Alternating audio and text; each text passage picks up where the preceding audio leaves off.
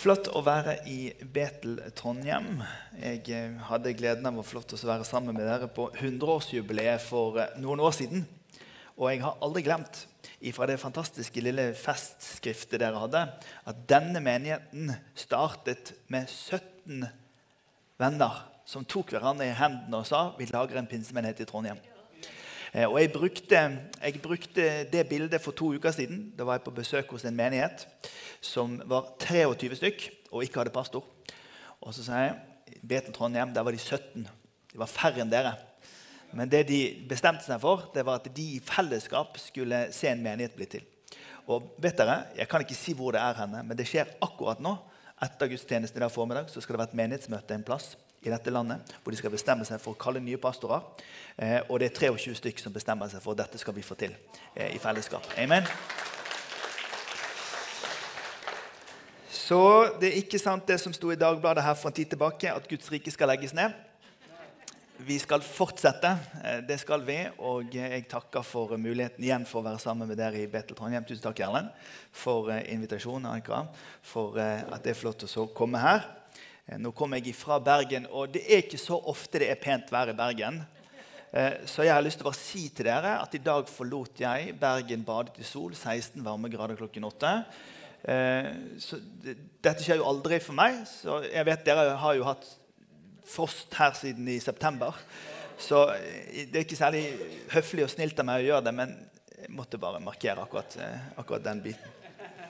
Dere, det er jo slik at Eh, vi lever i et landstrakt land, og dette året her så har vi en serie i kirken vår som vi kaller for Herre eh, Unnskyld, vi, vi, en, vi har et årsmål eh, om at Jesus er Herre. Det er jo den eldste trosbekjennelsen som fins eh, i vår kirkelige tradisjon. Jesus er Herre. Så i ett år nå så pakker vi ut hva det betyr for noe. Og så hadde jeg et kreativt øyeblikk her eh, før jul og så sa jeg vi må lage en serie på nyåret som heter 'Herre her'. Og så er det et sånt stedsmerke som vi bruker på, på Google.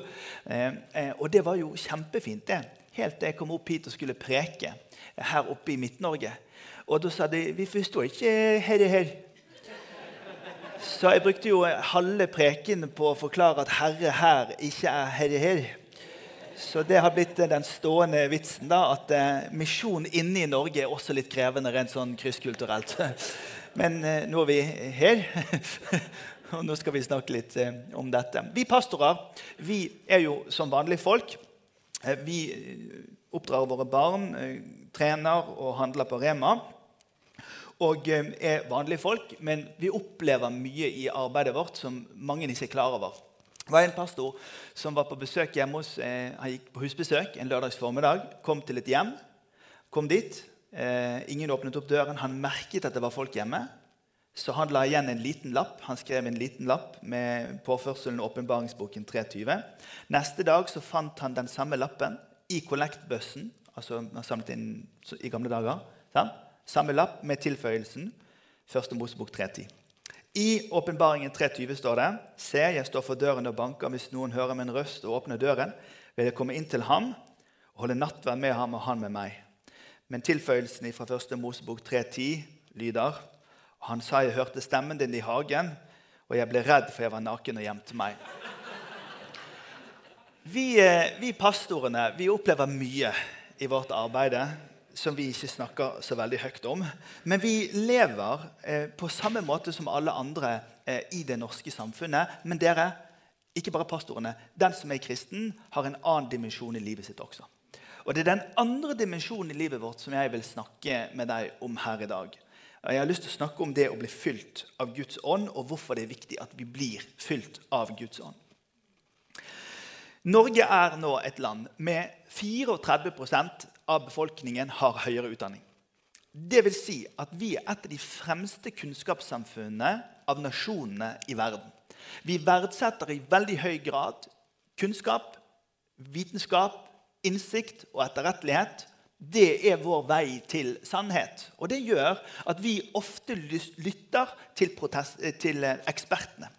På NRK så står de og doserer for oss. Og er det et spørsmål om økonomi, så kommer hun Langum Bekker inn. ikke sant? Hun kommer inn, for hun har peiling på det. Og så er det noe om Vedum, et eller annet om eh, hvordan det går med Senterpartiet. Så er det han Lars Nehru Sand, han sjarmerende fra Sørlandet. Sant? Han kommer. Eh, og er det noe om boliglånsrenten, så er det Ola Grytten fra uh, Handelshøyskolen. Du kunne skrevet boliglånsrenten i panen på han. Han sitter i styret i kirken vår i Bergen. En fantastisk fyr. Men vi er blitt vant til at det er ekspertene som skal uttale seg når vi skal finne sannheten. Stemmer ikke det? Men så skjer det noe med oss når det gjelder religion og livssyn. Da virker det som om vi forlater litt denne tanken om at det er ekspertene som bestemmer. Før jul hvert eneste år så intervjues det noen som er uenig med Frelsesarmeen i et eller annet eh, som de eh, mener, eh, og sier at eh, nei, for meg er ikke Jesus sånn. Nei. For meg er ikke Jesus sånn, nei. Jesus for meg, han er annerledes. Jeg er kristen på, på Jeg har min egen tro. Det er akkurat som om det skjer noe i vår logikk når vi skal eh, snakke om ekspertene på boliglånsrenten eller psykologien eller medisin. Ja, da er det eksperten som er sjefen. Men når det gjelder livssynet vårt og troen vår, så virker det som om vi tillater oss selv å definere det selv. I Jesaja kapittel 44 så står det følgende, og det kommer på veggen her. Der står det Jeg er den første, og jeg er den siste. Det finnes ingen annen Gud enn meg. Altså, Gud sier at han vet noe om å være Gud. Altså, han, han vet hvem Gud er, fordi han er Gud. Jesus kommer inn i vår verden, og det står i Johannes kapittel 10, vers 30.: Jeg og Faderen er ett. Jesus er det synlige gestalten av den usynlige Gud. Så i kropp for 2000 år siden kom Jesus inn i verden som menneske. Han er, som Bibelen lærer oss, han er den synlige utgaven av den usynlige Gud. Vet du hvem eh, Jesus er? Vel, Jesus er enkelt og greit summen av alt det han sa og gjorde. Det er Jesus. Jesus er ikke det jeg gjør ham til her borte. Nei, Jesus er summen av alt det han sa og gjorde. Og Vi lever i en tid hvor eksperten skal få lov til å sette sannheten på sitt fagfelt. Og jeg mener det er tid nå at Guds ord og Guds ånd får lov til å gjøre det samme i det moderne Norge. Fordi at det er bare der vi kan finne ham slik som han sier at han er. Paulus har plantet en menighet i Korint. og eh, Menigheten i Korint den klarer seg greit. Det er en verdensby. Det er mye filosofi, det er masse eh, skrifter, det er mange ulike ideologier og tanker. Og menigheten i Korint de begynner å kritisere Paulus. De sier det at nei, i våre bøker så står det nei, vi har oppdaget at Og de begynte å lytte til antikkens ulike lærere og filosofer. Og så skrev de leserinnlegg i avisen om at det er enkle greier han holder på med, han der Paulus. Han er nå nede på bedehuset der og synger 'Alle, alle, alle skal med'. Og så har de visst begynt med noen utenlandske sanger også, som går sånn woa, woa, woa, woa, woa. Men det, at det de holder på med nede på bedehuset, er enkle greier. For i Korint så ga de seg til at nei, vi, vi kan finne Gud ved å se i denne boken her. Vi kan kjenne Han. Nå går vi et lite dypdykk her nå. Heng med nå. I gresk logikk fins det en eh, tese som sier at eh, likt kjenner likt. Eller man skjønner bare det som er likt. Eller man kjenner bare seg selv. La meg forsøke å forklare. Jeg har vært gift med hun jeg er gift med nå i 20 mange år. 26 år eller veldig lenge. Og det har gått veldig bra. Vår siste barn fyller nå 18 på onsdag. På torsdag. Og så skal jeg følge opp dattera mi til å gifte henne bort om to uker fra nå av. Så, så dette, og jeg tenker jo at jeg kjenner henne, men jeg blir stadig overrasket. For saken er den at hun kjenner seg selv best. Eh, sånn som Erlend kjenner seg selv best, og Trond Inge kjenner seg selv best. Det er bare et menneskes eget hjerte som vet hva som egentlig bor i det hjertet. Og Det er det Paulus skriver til dem når han sier hvem andre enn menneskets egen ånd vet hva som bor i et menneske. Slik vet heller ingen annen enn Guds ånd det må vi få på veggen her, enn Guds ånd hva som bor i Gud. Vi har ikke fått verdens ånd, men en ånd som er fra Gud, for at vi skal forstå hva Gud i sin nåde har gitt oss. Følger dere logikken? Altså, Erlend kjenner Erlend, min kone kjenner min kone. Men det er bare Gud som kjenner Gud. Og så sier Paulus til menigheten i Korint Gud tar av sin ånd, og så gir han den til dem som tror på ham. Sånn at det som er i Gud, er nå i den troende. Og da er det mulig for den troende å kjenne Gud. Og Det er dette som blir konflikten i Korint, og det er dette som blir den store spagaten og problemet i Norge i dag også. Hvor vi går bort ifra ideen om at eksperten er ekspert på seg selv, til et sted hvor vi skal definere Gud slik som vi vil ha han. Og da bommer vi på dette som er nøkkelen til å kjenne Gud. Alt Guds folk i sin frelsesopplevelse får en full pakke fra himmelen. Ja, og så går det an å leve sitt liv i en utvikling i sin kristne tro, slik at man får en dypere kjennskap til ham gjennom livet sitt. Paulus han eh, kunne intellektuelt kranglet med dem, men han sa til dem, 'Jeg vil ikke vite noe annet hos dere enn Jesus Kristus og ham korsfestet'. De sa til ham det er enkle greier borti denne pinsemenigheten. Det er enkle greier borti denne indremisjonsforeningen. Det er enkle greier de holder på med. Og Paulus kunne ha tatt alle de intellektuelle musklene sine og flekset dem, men han sa nei. Alt sammen handler om Jesus. I ham er kunnskapens og himmelrikets skatter skjult til stede. I navnet Jesus det, så forandres våre liv. Og dere, Det er ikke fordummende men det er tilgjengelig for alle mennesker. Han sier det intet øye så og intet øre hørte. Det som ikke kom opp i noe menneskehjerte, det som Gud har gjort ferdig for dem som elsker ham, det har Gud åpenbart for oss ved sin ånd. For ånden, dere, han utforsker alle ting, også dybdene i Gud. Hvem andre enn et menneskeånd vet hva som bor i et menneske? Slik vet heller ingen annen enn Guds ånd hva som bor i Gud. Vi har ikke fått verdens ånd, men den ånd som er fra Gud, for at vi skal forstå hva Gud i sin nåde har gitt oss. Og vi har akkurat feiret pinse. Vi har akkurat feiret at Den hellige ånd er utgitt over alle mennesker. Og Når du sitter hjemme på Google eller med din datamaskin eller Mac, så kan du gå inn i søkefeltet og så kan du skrive inn eh, hvilken plenfrø skal jeg bruke i år. Når, når, blir det sol i Trøndelag? Og Så sender du spørsmålet inn på internettet, og så kommer det ut et svar. Og Det som er så fantastisk med å være fylt av Ånden, det er at vi kan få den samme ånd på innsida av oss. Som gjør at vi kan få et bønnespråk, vi kan få en nærhet til Den hellige ånd. Og vi kan bli kjent med Gud. Den hellige ånd utforsker dybden i Gud. Og så kommer han med det til oss for at vi skal få lov til å kjenne Gud. Og dere, vi bor i en av de mest sekulære landene i hele verden. Vi har de siste 100 årene, med økt fart de siste 25-30, mistet mye av den, den livs, det kristne livssynet i vår del av verden. Og Noe av det som gjør at vi mister det, det er det at vi har beveget oss bort hit med den gjengen i Korint.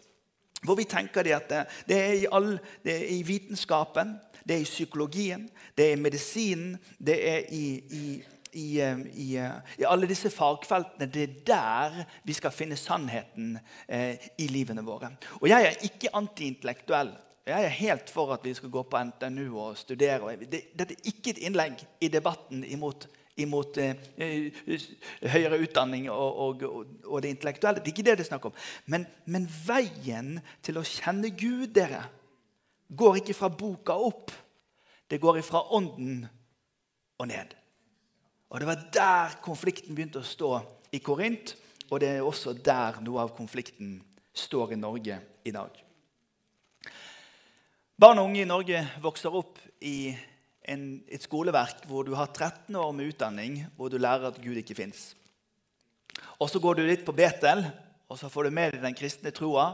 Og så opplever du at du har én fot borte på skolen hvor Gud ikke fins, og så er det en i menigheten hvor du blir fortalt at det gjør han. Ja, og Da blir det sett ett bein i to båter ned på kaia her. Du går i vannet til slutt. På fagspråket heter dette kognitiv dissonans.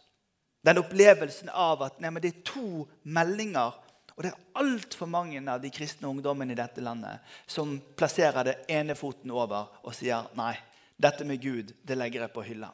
Men jeg tror ikke at Guds rike skal legges ned. Jeg tror at det Paulus sier til menigheten i Korint den gangen, det sier han til oss i Betel denne formiddagen.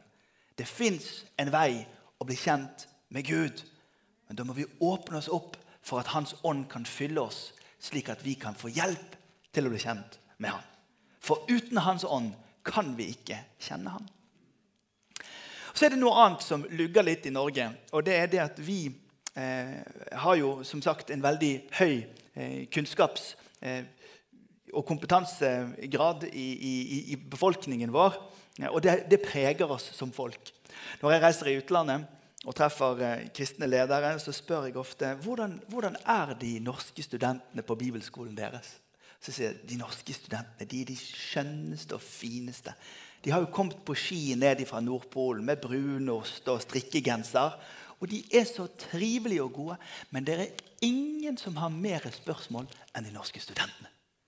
De spør så masse spørsmål hele tiden fordi at eh, de er vant til at de skal eh, kunne presse på for å få svar på alt mulig. Og det dere, det må vi passe oss for på denne aksen bort mot de som lagde trøbbel i Korint. Fordi at Hvis du til slutt tenker at du skal få to streker under alle svarene, hvor blir det da av mysteriet i den kristne troen? Vi skjønner jo bare stykkevis og delt. Men Vi kan ikke gi svaret på alt, men vi må overgi oss til at Hans ånd fyller oss. Der vi er i Norge i dag, dere, så skal vi gi gass, og vi skal fortsette. Vi skal se menigheter vokse, nye menigheter bli plantet, unge mennesker bli bevart i kristen tro. Men vi har litt av en jobb foran oss. Det har vi. Fordi vi trenger desperat en fornyelse og en vekkelse i dette landet. Siden før påske i fjor så har jeg båret i meg en, et, som Den hellige ånd hvisket til meg Finn veiene til fornyelse. Veier til fornyelse. Veier til fornyelse. Derfor ble jeg så glad når jeg hørte om vekkelsen borte på Asbury der. Og så ble jeg så glad at det skjer noe på Vigeland. Og så ser jeg mer av alt dette.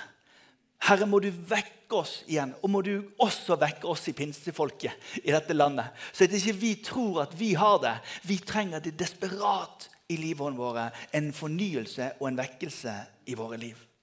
I Eden så skaper Gud mennesket, og så sier han men av treet til kunnskap om godt og ondt skal dere ikke ete.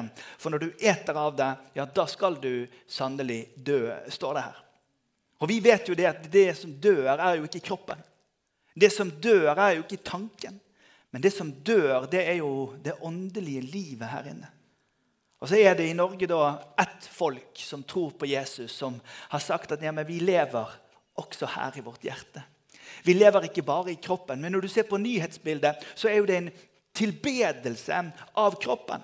Det være seg eh, helsen, eh, treningen, eh, seksualmoralen og alt det liksom, Vi er blitt så kroppsfikserte i vår del av verden at vi, at vi rett og slett er blitt blinde for de virkelige verdiene.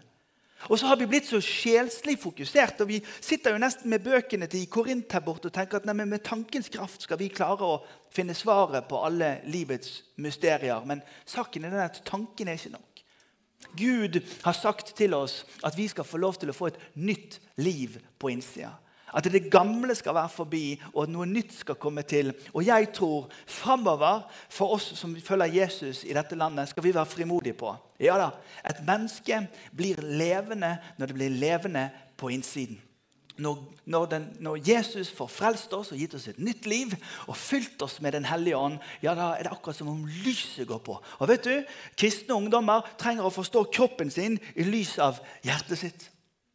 Kristne ungdommer trenger å forstå tankene sine i lys av hjertet sitt. Et pånyfødt menneske er annerledes i denne verden. Og jeg er desperat etter å se fornyelse. Jeg er desperat etter å se, og jeg tror at gamle Thomas Baal Barrat hadde helt rett i sin bok 'Pinseild', når han snakket om at vi trenger en ild som også brenner bort de tingene som tar opp all tida og tar opp alt fokuset for oss.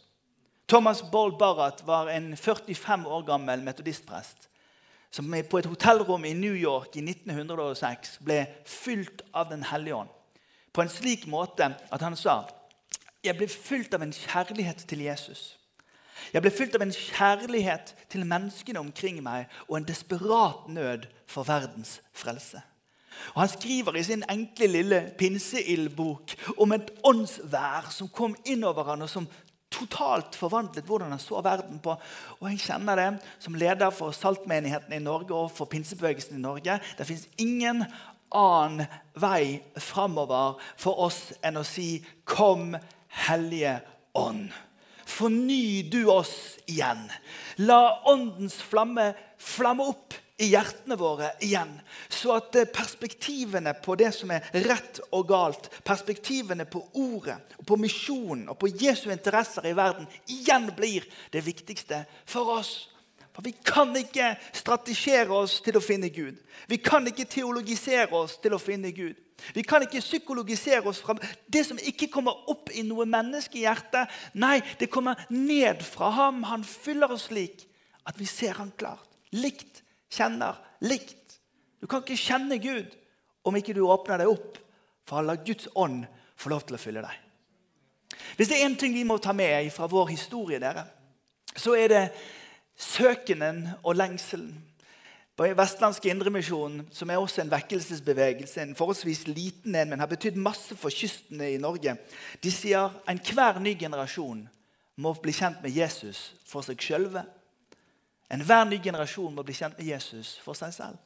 Og Jeg sier det til pinsemenigheten i Norge. Enhver ny generasjon i pinsebevegelsen i dette landet må bli kjent med Jesus og må bli fylt av Ånden for seg sjølve.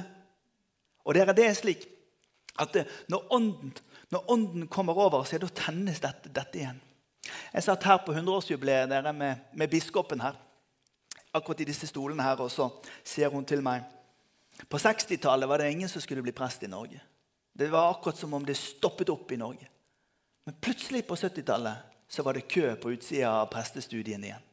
Hva skjedde på 70-tallet? Gud sendte den karismatiske fornyelsen over den vestlige verden.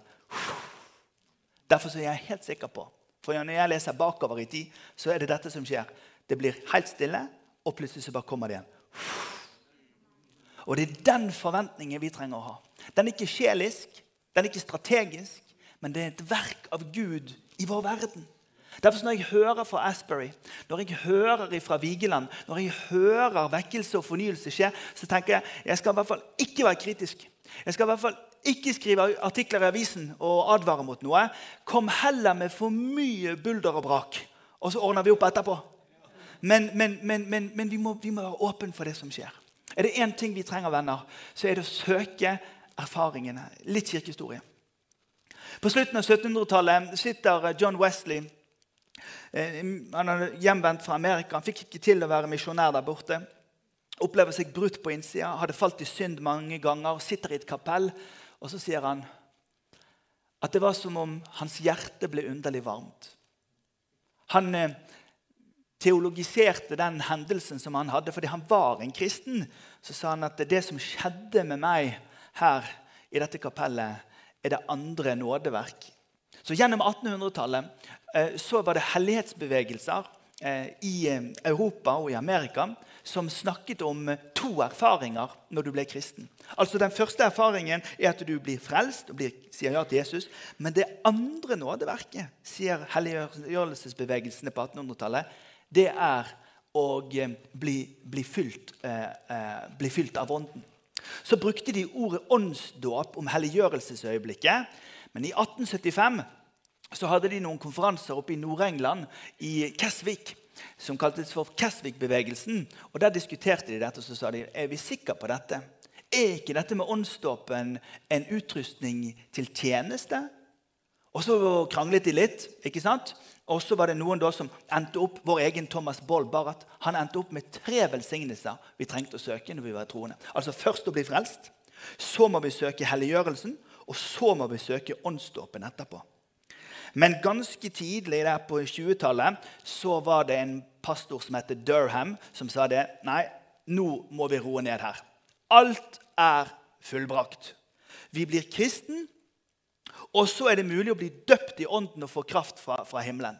Og på 50-tallet så ble for alvor andre kristne retninger også opptatt av karismatikk. Katolikkene, lutheranerne, episkopale, anglikanerne. Alle disse ble opptatt av det. Og det språket som Engelsviken på Menighetsfakultetet nå bruker, det tror jeg mange av oss kan være enig i. Ja, du blir frelst, og du får full pakke. Men du får også en pakke med frø der som trenger å stilles ut i den gode jorda under sollyset på en slik måte at når det står i sol og vann og næringsrik jord, ja, så vokser potensialet av et rikt liv med Gud opp ifra den frelseshendelsen. For du vet, Når vi nå ser 100 år bak i tid på det skjemaet som de gamle pinsevennene hadde når man skulle bli født i ånden, så sa de at ja, først må vi forkynne, så må du omvende deg, så må du si nei til all synd du har gjort i livet ditt, så kan det være du får tungetalen og åndsdåpen. Og det skapte jo mange vinnere, men altfor mange taper også. Det fins undergrunnskirker i Kina som ber mens de står på hodet. Fordi det var en bak i tida en gang som opplevde et bønnesvar for han barna sto på hodet. Problemet i fornyelsesbevegelser er at når vi lager skjemaer for hvordan det skal skje, så skaper vi vinnere, men vi skaper også tapere. Det kom en eldre mann til meg, en trofast eldstebror. Han sa hadde jeg hørt deg snakke om dette for 75 år siden, hadde mitt liv vært annerledes. For de skulle jo ha meg til å ha det akkurat sånn som det skulle være. Men det skjedde ikke sånn med meg. Vet du, Den hellige ånd han møter oss på tusenvis av forskjellige måter. Fordi vi er tusenvis av forskjellige folk. Hans ånd er utgitt over alt folket. Og hvis vi søker, men ikke lager skjema, ja, så tror jeg erfaringen vår kan komme alle til del. Men det må ikke være sånn at det er sånn det må skje hvis det skal skje. For hvis vi gjør det på så trangt, ja, så har vi godt av å synge påskesalmen 'Gjør døren høy, gjør porten vid'. Kjære åndsfylte kristne, la oss være rause i læren om åndens liv, slik at den kommer alle til del. Jeg takker Gud for oasebevegelsen i Den norske kirke. Jeg takker Gud for 170 millioner karismatiske katolikker. Jeg takker Gud for erkebiskopen som salvet kong Charles til konge her for en måneds tid siden, og som taler i tunger hver dag. Og Da kan man sitte over bøkene sine i NRK og i kommentatorboksen og så kan man si at liksom, de er jo litt sprø, disse som taler i tunger. Da svarer jeg alltid tungetale det er ikke et eh, språk nedover. Tungetale det er over det rasjonelle. Det er opp til Gud. Det er kontaktflaten i frekvensen mellom himmelen og den troende. Tungetalen. Det er et rikt kilde av liv som kommer til oss. Det er som de gamle pinsehistorikerne sa i Azusa Street. Tungetalen det er de fattiges katedral. Det er der hvor alle får lik stemme. Det er der hvor du ikke kan høre om noen kommer fra Øvre Sinsaker eller borte fra Rosenborg. For det i dialekten og sosiolekten jevnes det ut i at vi alle sammen har nå fått ett språk. Blitt innviet i dette usynlige riket. Dette dere, er gullstandarden i pinsevekkelsen. Og Hvis vi tror vi skal strategere oss utenom den for å bli fin på det, ja, så kan dere se hvordan det går rundt omkring i de tomme kirkebyggene i den vestlige verden. Peter Halldorf sier det i sin bok på denne måten. Det finnes en kristen gnosis, en åndelig innsikt, som ikke er tilgjengelig Opp på veggen, folkens, eh, hvis det går bra. Som ikke er tilgjengelig via fornuften. Bare gjennom Den hellige ånd. Det er Guds rikes hemmeligheter. Forskjellen mellom den innsikt som må åpenbares av Den hellige ånd, og den innsikt som mange av antikkens sofister og nostikere eksellerte i, og som kristne vendte seg imot, var at den sistnevnte var reservert for en opplyst elite. I kontrast til et slik religiøsitet representerte den kristne kirke en folkets åndelighet. Ved at ånden på pinsedag ble utgitt over alt kjød, kan hvem som helst som åpner seg for ånden, bli innviet i et rike som ikke er av denne verden. For det var der kampen sto mellom Paulus og disse sofistene borte i Korint. Han sa nei, dere må ikke senke blikket ned i bøkene, slik at dere tror at dere skal finne Gud. Dere må bli over boka som åpenbarer hvem Gud er. Og dere må ta imot Ånden som fyller dere. I Markus' evangelium så sier døperen Johannes Se der Guds lam som bærer verdens synd. Ja da, han er vår rettferdiggjører. Jeg døper dere i vann, men han, han skal døpe dere med Den hellige ånd og ild. Og Som pinsefolk så tror vi at det fins en rettferdiggjørelse, og så fins det en åndsdåp som aktiverer det som ligger i oss. Disse frøene det bare starter det opp og endrer våre liv. Se for dere om vi hadde hatt hundrevis, kanskje tusenvis av mennesker i dette landet som hadde erfart å bli fylt av Ånden igjen. Folk som gjerne har opplevd at glørne er blitt litt, litt svake, men opplever at det kommer en vind som blåser på det, det flammer opp igjen. Jeg hadde dåpsundervisning i kirken vår. Jeg skulle ha vanndåpsundervisning. De sa etter kirken Øystein skal ha vanndåpsundervisning. Så kom det en ung mann. Jeg kjenner han ikke. Så sa han «Eh, handler dette møtet her om eh, vanndåp, eller handler det om det som er spennende? Åndsdåp. Han hadde vært på Vigeland, han hadde hørt noen tale i tunger.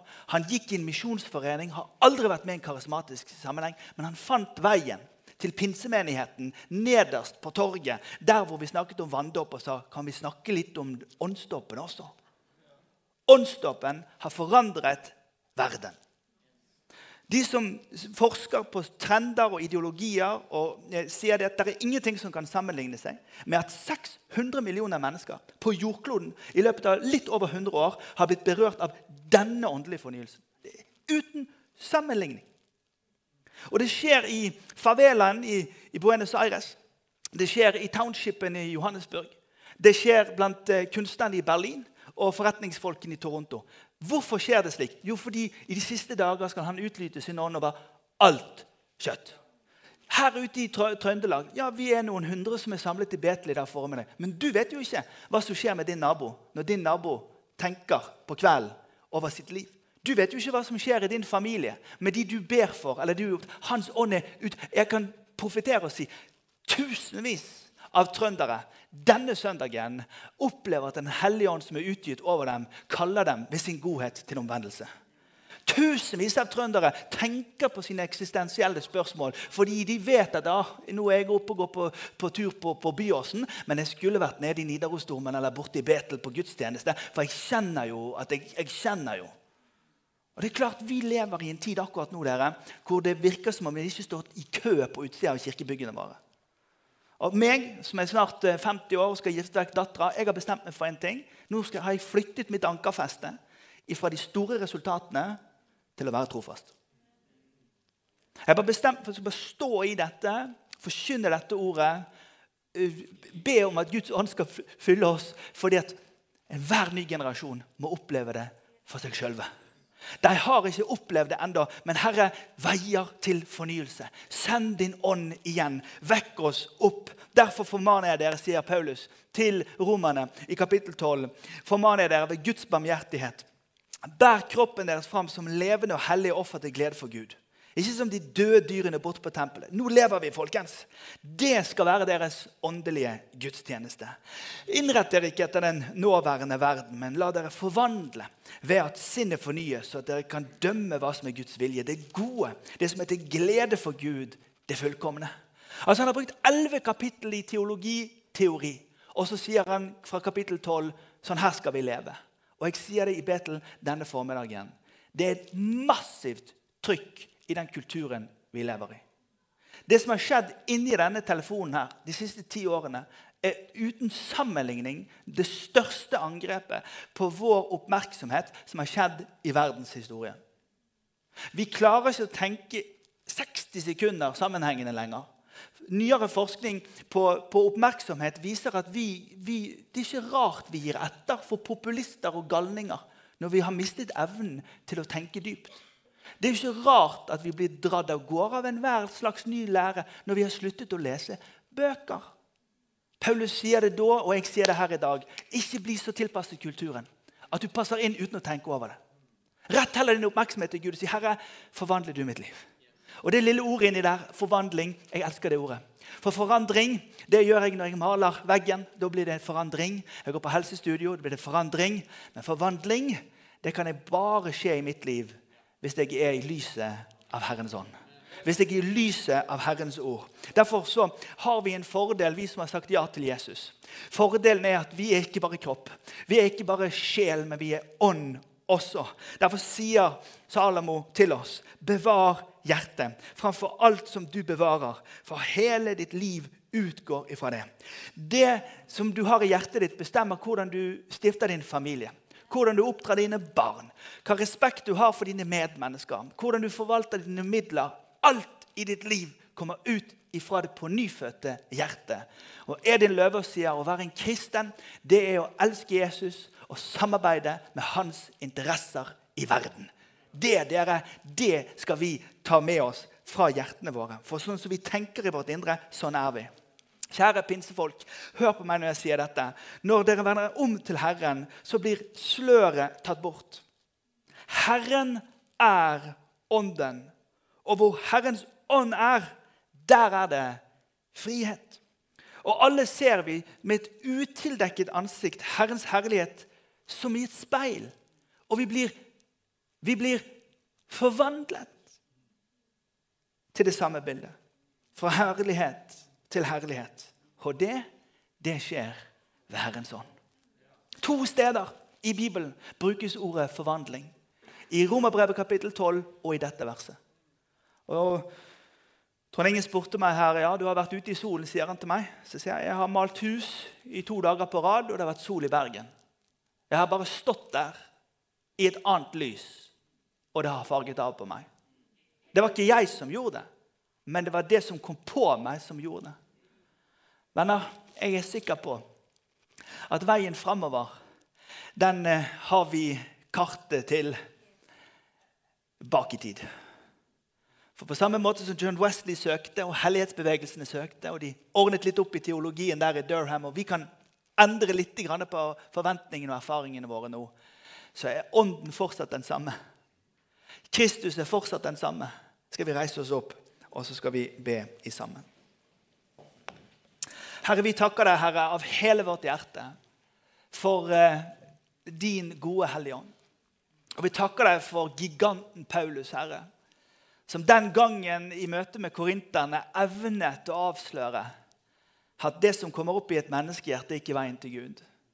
Men det er det som kommer fra Gud, som kan hjelpe oss å bli kjent med Gud. Herre, jeg ber for oss, jeg ber for Betel-menigheten. Herre, jeg ber for ditt folk i Trøndelag, Herre, jeg ber om at vi ikke skal la oss lure av samtidens ulike trender og finurligheter, så at vi blir vippet av pinnen, Herre. Men at vi evner, Herre, å stanse opp lenge nok til å få tak i den dype kilden av ordet og ånden. Herre, vi ber om det i navnet Jesus Kristus. Og Hvis du er her og du kjenner jeg skulle ønske at Den hellige ånd kunne fylle meg mens lovsangene kommer fram her, og du, og du, kjenner dette, og jeg opplevde det var, det har blitt knusktørkt på innsida. Jeg, jeg, trenger at Ånden fyller meg igjen. Og vet du hva? Det å leve med Ånden, det å leve sitt liv i et, i et åndelig liv, du, det er en livslang prosess. Men ta nå og legg hånden din på hjertet ditt, eller ta hånden din framfor deg. Gjør en eller annen fysisk handling, og så skal jeg invitere Den hellige ånd til å komme her. Og Så kan det være at noen opplever at Oi, nå fikk jeg en drøm. Nå fikk jeg en tanke. Nå fikk jeg et bønnespråk på innsida. Kanskje han vekker oss opp igjen eh, til det som en gang var. Vi tror at han er her. Hellige Ånd, vi ber. Kom, du. Kom over denne fine menighetsfamilien. Kom, Hellige Ånd. Du som gir oss charis-gavene, nådegavene. Herre, kom med en fornyet nåde. Herre, over de som opplever at det har gått i stykker for dem. For de herre som opplever at det har tørket inn dette åndslivet. Herre, veier til fornyelse. Må du igjen fylle, Herre.